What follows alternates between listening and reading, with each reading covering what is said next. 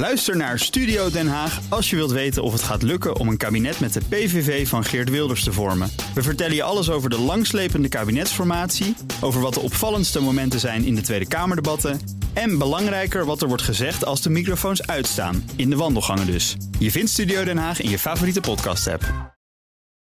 The ladies not for turning.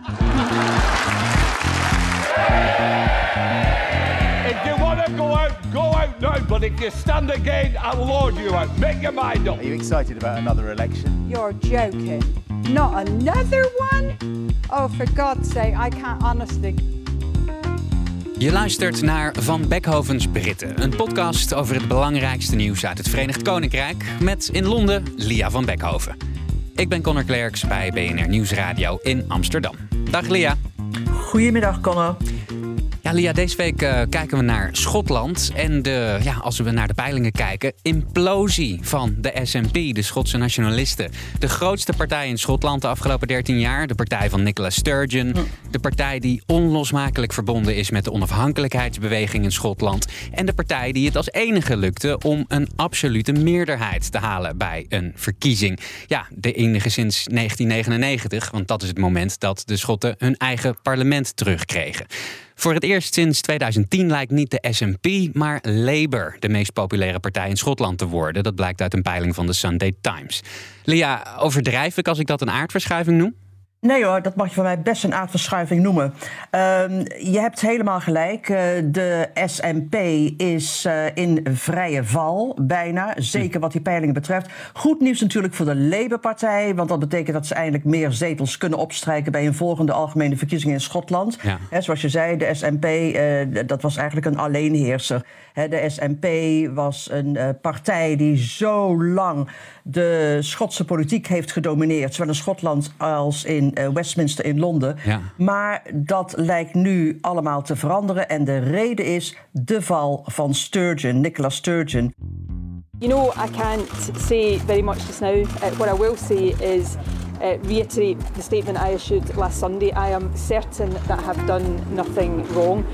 That woman is Nicola Sturgeon, the former First Minister of Scotland. She resigned uh, in the middle of March, and today she becomes the third senior member of her party to be arrested in connection with this investigation. How times have changed in the short weeks since Nicola Sturgeon was at the forefront of Scottish, indeed British politics. Uh, the former First Minister of Scotland, the woman who was at the very heart of Scotland's government for more than 3,000 days, uh, is now uh, a police suspect, is now uh, being questioned by police. Iemand zei: um, alle politieke carrières eindigen in een mislukking. Volgens mij was dat Enoch Powell, uh, een Britse politicus. Mm. En als je inderdaad de val van Sturgeon vergelijkt met die van Boris Johnson, waar we het volgens mij wel eens een keer eerder over gehad hebben, dan, is, dan, dan zijn ze alle twee eigenlijk bijna even spectaculair. Zo, ja. En waar het mee te, ja, waar het mee te maken heeft, je, je herinnert je nog wel in februari, tot ieders verbazing eigenlijk, zei Nicola Sturgeon: um, Ik treed af, uh, het was allemaal te veel voor de geworden. Ze leek zich een voorbeeld te nemen aan uh, Jacinda Ardern, toenmalig premier van um, uh, Nieuw-Zeeland die hetzelfde gedaan had. Precies, het, er werd te veel beslag gelegd op haar, op haar persoon, op haar politiek, op haar energie. Uh, ze wilde gewoon meer boeken gaan lezen en uh, minder met de partijpolitiek bezig zijn. Maar nu blijkt dat bijna tegelijkertijd er door de politie nog meer onderzoek gedaan is naar de verdwenen 600.000 uh, pond sterling uit de partijkas. Ja, ja want dat waren allemaal, allemaal donaties. Hè? Dat waren giften van, van, van, mensen die de, de Schotse onafhankelijkheidsdroom wilden uh, steunen. En, en daar, ja, daar lijkt wat mee aan de hand, hè? Precies, uh, dat was eigenlijk het begin. Het begin van het verdwijnen nou, uh, van, van dat bedrag kwam omdat... Uh, in 2017 de Schotse nationalisten een nieuwe referendum uh, wilden organiseren. Dus de partij begon daarvoor een inzamelingsactie online. Ze haalde inderdaad 660.000 uh, pond binnen. Um, maar Gek genoeg kwam dat referendum er niet. En dat geld is dus nu verdwenen. De leden wilden donors, zoals je zegt, die wilden antwoord op de vraag: wat is er met, met, met dat bedrag uh, gebeurd? Dus Sturgeon uh, trad af in uh, februari. De politie legde beslag op een luxe caravan die geparkeerd stond in de oprit van de schoonmoeder van Nicola Sturgeon, waarde 110.000. Uh, de SNP zei nou, die caravan die was uh, bedoeld om campagne mee te voeren. Niemand zegt dat Sturgeon en haar man, die de chief exec, hè, de directeur van de partij was.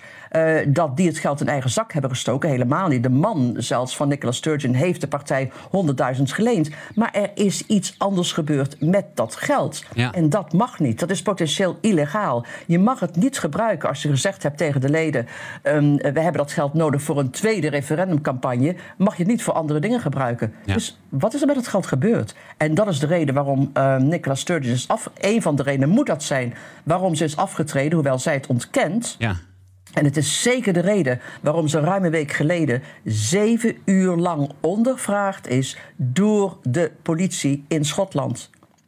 Ze is overigens weer vrijgelaten zonder dat haar iets ten laste gelegd is. Ja, maar ze is net als zeven man, uur lang ja. ondervraagd. Net als haar man. Ja, dat is toch wel voor, voor die partij is dat wel, uh, wel, wel een zware dobber hoor. Uh, uh, ja, net een maar voor de Schotsen ook. Ja.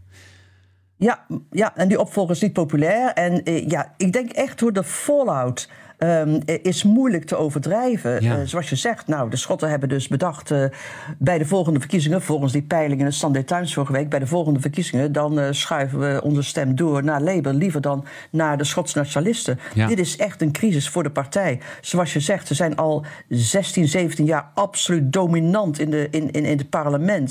ze hebben twee hele populaire leiders gehad die, die alle twee een, van een onafhankelijk Schotland een echt realistische optie maakten. Ja. He, Alex Salmond en de laatste negen jaar uh, Nicola Sturgeon, een politieke reus hoor in het Verenigd Koninkrijk. Ja, dat, dat, dat, dat is echt opmerkelijk dat zij nu van dat voetstuk valt. Hè? Want dat is echt een iconische ja. leider. Ik heb je haar wel eens uh, de Schotse Merkel uh, uh, horen noemen, geloof ik. Ja, dat, ik, ja ik, ik heb ook inderdaad een keer meegelopen met de campagne rond de, het eerste onafhankelijkheidsreferendum in 2014. En ja, dan was het ook heel duidelijk dat ze waanzinnig populair was. Het was een no-nonsense vrouw die echt gezien werd als, als een van ons, weet je wel. Een wee nippy, zoals ze dat noemden. ja. Kleintje. Chief Mummy. Maar um, ja, ze werd inderdaad gezien als, als capabel, efficiënt, Angela Merkel-achtig. Ze was ook heel transparant, hè, een hele goede uh, communicator. Maar het probleem is dat ze voortdurend campagne voerde voor onafhankelijkheid. Ja. En dat, is, uh, dat, dat, dat, dat was het belangrijkste van alles voor haar. Belangrijker, zei ze, dan Brexit, belangrijker dan de economie, is een onafhankelijk Schotland. En dat eeuwige campagne voeren, prima voor de ongeveer helft van de Schotten die ze daarin kan vinden, ja. maar niet natuurlijk voor de andere helft. En ik moet je zeggen, ik had Schotse vrienden. En die zeiden dan, die hadden het over that effing woman. uh, als ze het over, uh, Schot, als het over uh, Sturgeon hadden. Ja. En die zeiden ook dat ze enorm veel verdeeldheid zaaiden. Ik bedoel, en dat was ook zo. Sommige Schotten um, die ik sprak, die wilden echt dat er een vliegveld naar haar genoemd werd. Weet je wel, anderen die staken de straat over als haar zagen aankomen. Um, uh, en, en, en ja, dat heeft toch betekend dat ze inderdaad veel schotten tegen zich in het harnas maakten. Ook uh, omdat de SNP vooral onder haar leiding een hele populistische partij werd. Hmm. En net zoals alle andere populisten, of het nou progressief is, zoals uh, in het geval van de Schotten, of niet, uh, domineerde toch het gedachtegoed van um, mijn manier is de enige manier. Ja. En mijn weg of geen weg. Um, en dat betekent dat uh, de SNP um, eigenlijk geen alternatieve meningen uh, tolereerde. He, als je niet voor een zelfstandig Schotland was, nou, dan was je anti-Schots. Hm. Dus Schotland werd, ook omdat ze zoveel verkiezingen won uh, en, en, zo dominant was, een eenpartijstaat eigenlijk. Een, Ja. een, hè, een, een gekozen um, eenpartijstaat. Er was geen noemenswaardige oppositie in de Schotse politiek. En, en hoe heeft zij Schotland veranderd, denk je? Uh, twee dingen, denk ik. Uh, Nou, misschien wel meer. Maar, maar eh, wat ze dus deed, zeker deed, is dat ze de notie van afscheuren van de rest van het Verenigd Koninkrijk Hè, ik bedoel, we zijn pas 300 jaar onderdeel van Groot-Brittannië. Uh, we konden het heel lang zonder, dat kan nu weer. Ja. Dat werd eh, voor veel, hoewel ze nooit de puntjes op de i zetten... zeker niet wat de economie over de manier waarop en hoe het dan verder moest. Maar de notie, het idee... Uh, Ierland doet het ook goed, heeft ook maar een paar miljoen inwoners... dus ook maar een klein land. Wij kunnen dat, dat ook. Dat werd echt realistisch. Dus dat, dat uh, was belangrijk. Maar wat ze ook deed, wat ik echt heel um, uh, interessant vond, is dat ze Schotland inclusive maakte. Mm. Uh, ze maakte, en daarmee bedoel ik. Ze maakte er een regio van waar iedereen zich thuis kon voelen. Haar definitie van nationale identiteit was: iedereen die er Schots voelt, is Schots. En ik herinner me nog dat ik heel lang geleden uh, uh, was een keer in Edinburgh en ik loop weet je, de Royal Mile uh, af. Dat is een soort kalverstraat, heel ja. erg toeristisch. En um, je hebt daar heel veel winkeltjes die natuurlijk alles verkopen wat met, met whisky en Schotse ruiten te maken heeft. en er was inderdaad een, um, een, een, een Indiaanse ziek. Um, uh, met een heel plat Schots accent, maar een, een, tol, een tulband uh, in de kleuren van een Schotse ruit. En die verkocht ook uh, Schotse ruiten, sjaals, petjes, stropdassen, whatever. En toen hadden we het over die Schotse ruit. En ik zei, ja, u draagt er zelf ook in. Zei hij, ja, zei hij. En het is niet zomaar een Schotse ruit. Ik heb hem zelf uitgezocht. Um, ik heb hem ja, de kleuren bij elkaar gevonden. Ik Ja. heb het patroon uitgevonden met behulp van andere kenners. En ik heb hem daarna heb ik hem laten keuren door een commissie, hè, want dat doe je. En die commissie die gaat over Schotse ruit, over de tartan. Ehm, eh, die moet dan zien of het niet al bestaat. En dan heb je hem geregistreerd. En als hij eenmaal geregistreerd is, dan heb jij je eigen Schotse ruit. En hij zegt, ja, dat heeft mij en mijn familie hè, echt geholpen in dat hele eh, proces van identiteit. Hij zegt, ik zie me ook als een, als een Siekse ehm, Schot. En eh, voor Schotse Joden geldt bijvoorbeeld hetzelfde. Die hebben ook een eigen ruit. Ja. En denk je dat het, het- feit dat zij dus nu zo lijkt te vallen... Hè, nou, nou moeten we erbij zeggen dat, Mm. dat, dat jij heel goed zei... dat niemand zegt dat zij dat geld gestolen heeft of iets dergelijks. Maar toch, Mhm. je ziet dat die partij in populariteit enorm keldert. Denk je dat dat haar nalatenschap, de nalatenschap van Nicola Sturgeon... erg aantast? Ik denk het wel. Kijk, er zijn andere dingen die alsmaar door het hoofd gezien zijn, omdat zij zo lang gezien werd als ehm, eh, ja, de, de moeder van Schotland. Hè. Ze is een hele Ja. populaire eh, politica. Ehm, eh, maar, en, en daarom vergeet je dat ze vaak dingen zei eh, die door de vingers gezien werden, maar waar ze, die ze niet kon nakomen, beloftes die ze maakte. Bijvoorbeeld, ze zei meerdere keren dat ze, eh, wat haar nalatenschap betreft, dat ze echt afgerekend wilde worden op de het onderwijs van de Schotse scholen. En op eh, eh, de cijfers van Schotse leerlingen. Dat moest allemaal hoger, dat moest allemaal beter. De doorstroming moest makkelijker zijn en zo. Ehm, en dat is bijvoorbeeld helemaal niet gelukt. Ook niet gelukt is dat Schotland economisch heel zwak staat. Hè, lage investeringen, eh, lage productie, sterke vergrijzing. Eh, en ook geen inkomsten meer uit, ehm, eh, uit de olie, bijvoorbeeld. Ja. Ehm, maar nogmaals, er werd niet veel over gepraat. eh, hè. Men, men keek vooral ehm, naar haar als een goede communicator. En ik denk, ze had in zover het politieke tij mee hè, met Brexit. Want oké, in 2014 was er een referendum geweest over afsplitsing van Groot-Brittannië. Ja. De Schotse nationalisten hadden dat verloren. Hè? Eh 45% wilde mee, 55% wilde dat niet. En het was een referendum, was altijd gezegd... dat doe je één keer in een generatie. Ja. Maar hé, hey, twee jaar later kwam Brexit. En Brexit veranderde alles. Het verhoogde vooral in Schotland echt een voelbare weerzin tegen Engeland, weet je wel? En in het verleden had je vaak Schotten die zich ehm, eh, ja, echt identificeerden, zal ik maar zeggen, door zich af te zetten tegen Engeland. Dat hele Braveheart-effect. Mhm, ja. En nu had je dat nog veel sterker met Brexit. Brexit werd echt gezien ehm, eh, als, een- als iets heel erg Engels, als een uiting van Engels nationalisme. De Schotten wilden daar niet aan, maar moesten toch mee. Terwijl zij juist in de Europese Unie eh, wilden wilden blijven. Ehm, eh, dus dat heeft eh, haar zaak veel goed gedaan. En ook haar argument dat ze daarom vanwege Brexit een tweede referendum wilde. Hè, dat betekende dat je dus die campagne kreeg online met die geldinzamelingsactie. Ehm, eh, dat, was het reactie, dat was de reactie daarop. Maar Londen weigerde dat altijd, dus het is er nooit van gekomen.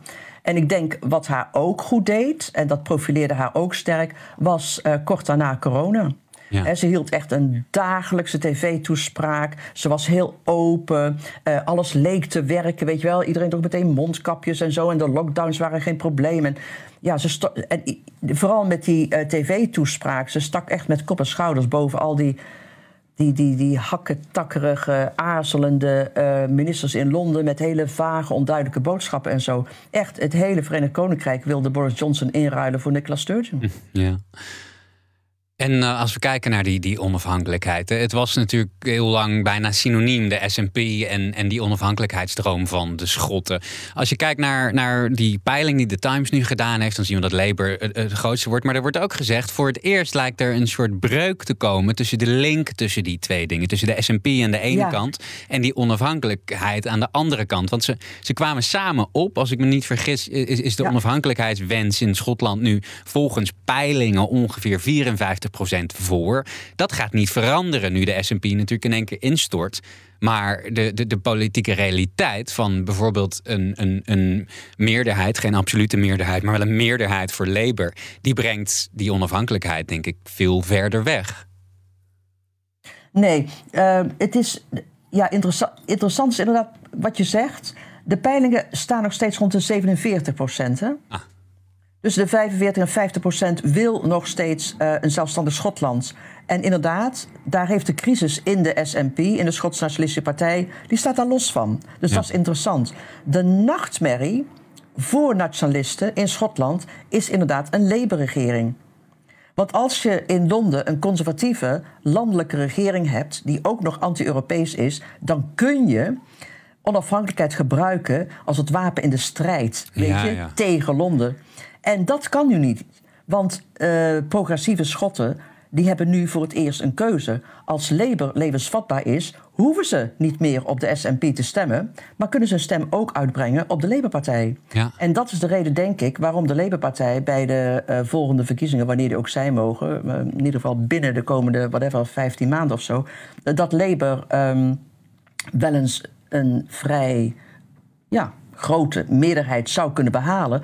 Als inderdaad die Schotse overlopers uh, kan overtuigen op uh, uh, de Labour-partij te stemmen van Keir Starmer. En dat zou voor Keir Starmer, voor zijn, zijn wens om premier te worden, wel eens een, een, een hele grote doorslaggevende factor kunnen worden. Want zonder de Schotten wordt het best wel ingewikkeld voor Labour om echt een, een, ruime meerderheid te krijgen. Of in elk geval een meerderheid waarmee je uh, fatsoenlijk kan besturen. Dat, dat Schotse deel, dat kan het verschil uh, uh, zijn tussen een hang parliament, waarmee ze dus een partner moeten zoeken, zoals bijvoorbeeld Lib Dems, en gewoon kunnen regeren voor het eerst sinds Tony Blair. Ja, als uh, uh, enkele partij met een, uh, met een grote met een meerderheid, ja. ja. dat is het. Maar waarom het een nachtmerrie is voor de Schotten... is dat onder een Labour-regering... je een tweede referendum over Schots, Schotse afsplitsing wel kunt vergeten. Ja, zeker. Dat gaat er gewoon niet komen. Ja. Dus dat is inderdaad een probleem. Kan ik je nog... hey, Connor, jij stuurde mij ja. een hele leuke foto... over Schotse ruiten gesproken van, van de bruiloft van jouw broer. Ja, klopt. Ja, dat was in Glasgow. En jullie hadden, ja, jullie hadden Schotse ruiten ja. aan. Want? Nou, dat, mijn, mijn, mijn schoonzus uh, Jennifer, die is, uh, die is Schots. Haar, haar familie komt uh, ah. uit, uit Carluke. Dat is een, een, dorpje een beetje onder de rook van, van Glasgow. En okay. ja, mijn broer en, en, en Jennifer die wilden heel graag trouwen in, in Glasgow. Dus ja, zo geschieden. En uh, ja, ik was uh, uh, getuige samen met uh, de beste vriend van mijn broer. En we hadden daar heel erg. ja, mijn broer die zei: als we dan in Schotland zijn, dan, dan wil ik het ook goed doen. Dus ik wil graag dat jullie, maar ook mijn vader en zijn oom, oh. eigenlijk de, de partij van mijn broer, dat we dan allemaal een kilt gaan dragen. Dus ik ben toen een half jaar van tevoren ben ik naar Glasgow gevlogen om daar een, wow. een kilt uit te gaan zoeken. Dat was ontzettend leuk. En inderdaad, hoe ging dat? Kon Nou, je eh, een willekeurige ruit kiezen? Ja, ja, best wel. Er zijn een soort, eh, wel, eh, zoals je vertelde, hè, met die, we hebben daar ook echt een soort klein college Ja. over gekregen. Er zijn families, clans met zo'n zo'n tarten. En ja, daar blijf je Ja. vanaf. Je gaat niet met andermans ruit lopen, zeg maar. Maar wij gingen naar, een, Precies. naar een vrij een soort prijzige ehm, kiltenmaker in een van de, de, de, Mhm. de, de, de high streets van, van Glasgow. En daar was de keuze eigenlijk, eh, eigenlijk reuze. Dus dan eh, gingen we gewoon kijken. En toen dacht ik, ja, dit bevalt me wel. En dan dit jasje erbij. En ik moet je ook eerlijk zeggen, Lia, ik, ik, ik, ik hou wel van mode. Maar een van de leukste dingen aan die hele ervaring was... is dat Mhm. wat, wat de Schotse mannen heel goed doen... en wat bijna niemand anders doet, op de Italianen misschien na... is accessoires. Je krijgt er zoveel eerlijk? bij. Je krijgt, je krijgt natuurlijk de kilt, daar begint het mee. Hè? Dus dan zoek je die eruit Oh uit. Maar daar, het is een soort, ja, het lijkt een beetje op een rockkostuum. Want je krijgt ook een gilet en je krijgt ook een jasje. Eh, dus dat, dat match je dan bij elkaar. Maar dan krijg je dan ook nog een kravat bij. Geen stropdas, het zou kunnen, maar een kravat eh, hoort er dan echt bij. En dan krijg je nog een bloemstukje eh, waar wij in een eh, ehm, Italiaans jasje een pochetje zouden hebben. Dan heb je ook nog speciale sokken natuurlijk, die kniesokken. En speciale Mm. Ja. schoenen die je dan zo helemaal opknoopt eh, eh, met lange veters. In je sok, daar hoort vanzelfsprekend een mes, een dolk. Ehm, Ja. Nou eh, hebben ze in, in, in Glasgow niet altijd de beste ervaringen natuurlijk gehad met messen. Dus als je een kilt huurt, krijg je daar niet daadwerkelijk een dolk bij. Maar dan krijg je een, ja, een stukje plastic waar dan het handvat van een dolk aan zit. En je krijgt. Ja, ja, precies. En je krijgt, en dat is misschien wel de allerbelangrijkste, is je krijgt een sparren. En dat is eigenlijk een soort, eh, soort handtas die je dan zo eh, voor je kruis bungelt. En dat is perfect, want Ja. daar past dan precies zo'n zo'n heupvinkje whisky in. Maar ook eh, de andere dingen die je op een bruiloft nodig hebt. Dus je smintjes en eventueel Trouwring. je sigaretten, je trouwring. Allemaal dat soort dingen. Die passen daar allemaal perfect in. Je hebt niks anders nodig. Ik vond het een heerlijk, heerlijk kostuum om te dragen. Ik ga je niet vragen wat je eronder droeg, of je er wat onder droeg. Eh, maar, je, maar je begrijpt nu wel, Connor, dat je volgens de definitie van Nicola Sturgeon eigenlijk Schots bent. En die dag voelde ik me dat ook wel, ja, zeker. Het was, eh, ik heb altijd gezegd, als ik tegen Nederlandse... ja, ik ben natuurlijk zelf ook best wel Nederlands, half Nederlands. Maar als ik tegen Nederlanders het heb over Ierland... dan zeg ik altijd, nou, die lui die weten hoe ze moeten feesten. Maar in Schotland heb ik geleerd dat wij misschien niet, eh, niet de koningen zijn wat dat betreft. Want die Schotse, eh, die Schotse bruiloften, dat is echt... eh, dat is echt een, eh, een geval apart. Ik heb nog nooit zo'n leuke, wervelende avond gehad. Oh, goed zeg. Ja, ik, heb, ik ken ook andere, inderdaad, bruiloften. Die, die houden dan meestal op als de ambulance op de stoep staat. dat is een teken dat ze afgelopen zijn. Hey Lia, dankjewel weer. Ik spreek je volgende week. Oké, tot volgende week. Dank hè.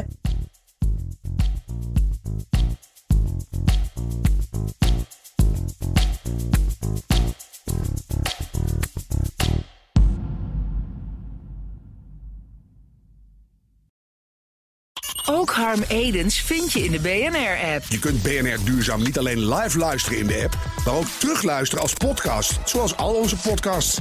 En naast dat de BNR-app Breaking News meldt, houden we je ook op de hoogte van het laatste zakelijke nieuws. Download nu de gratis BNR-app en blijf scherp.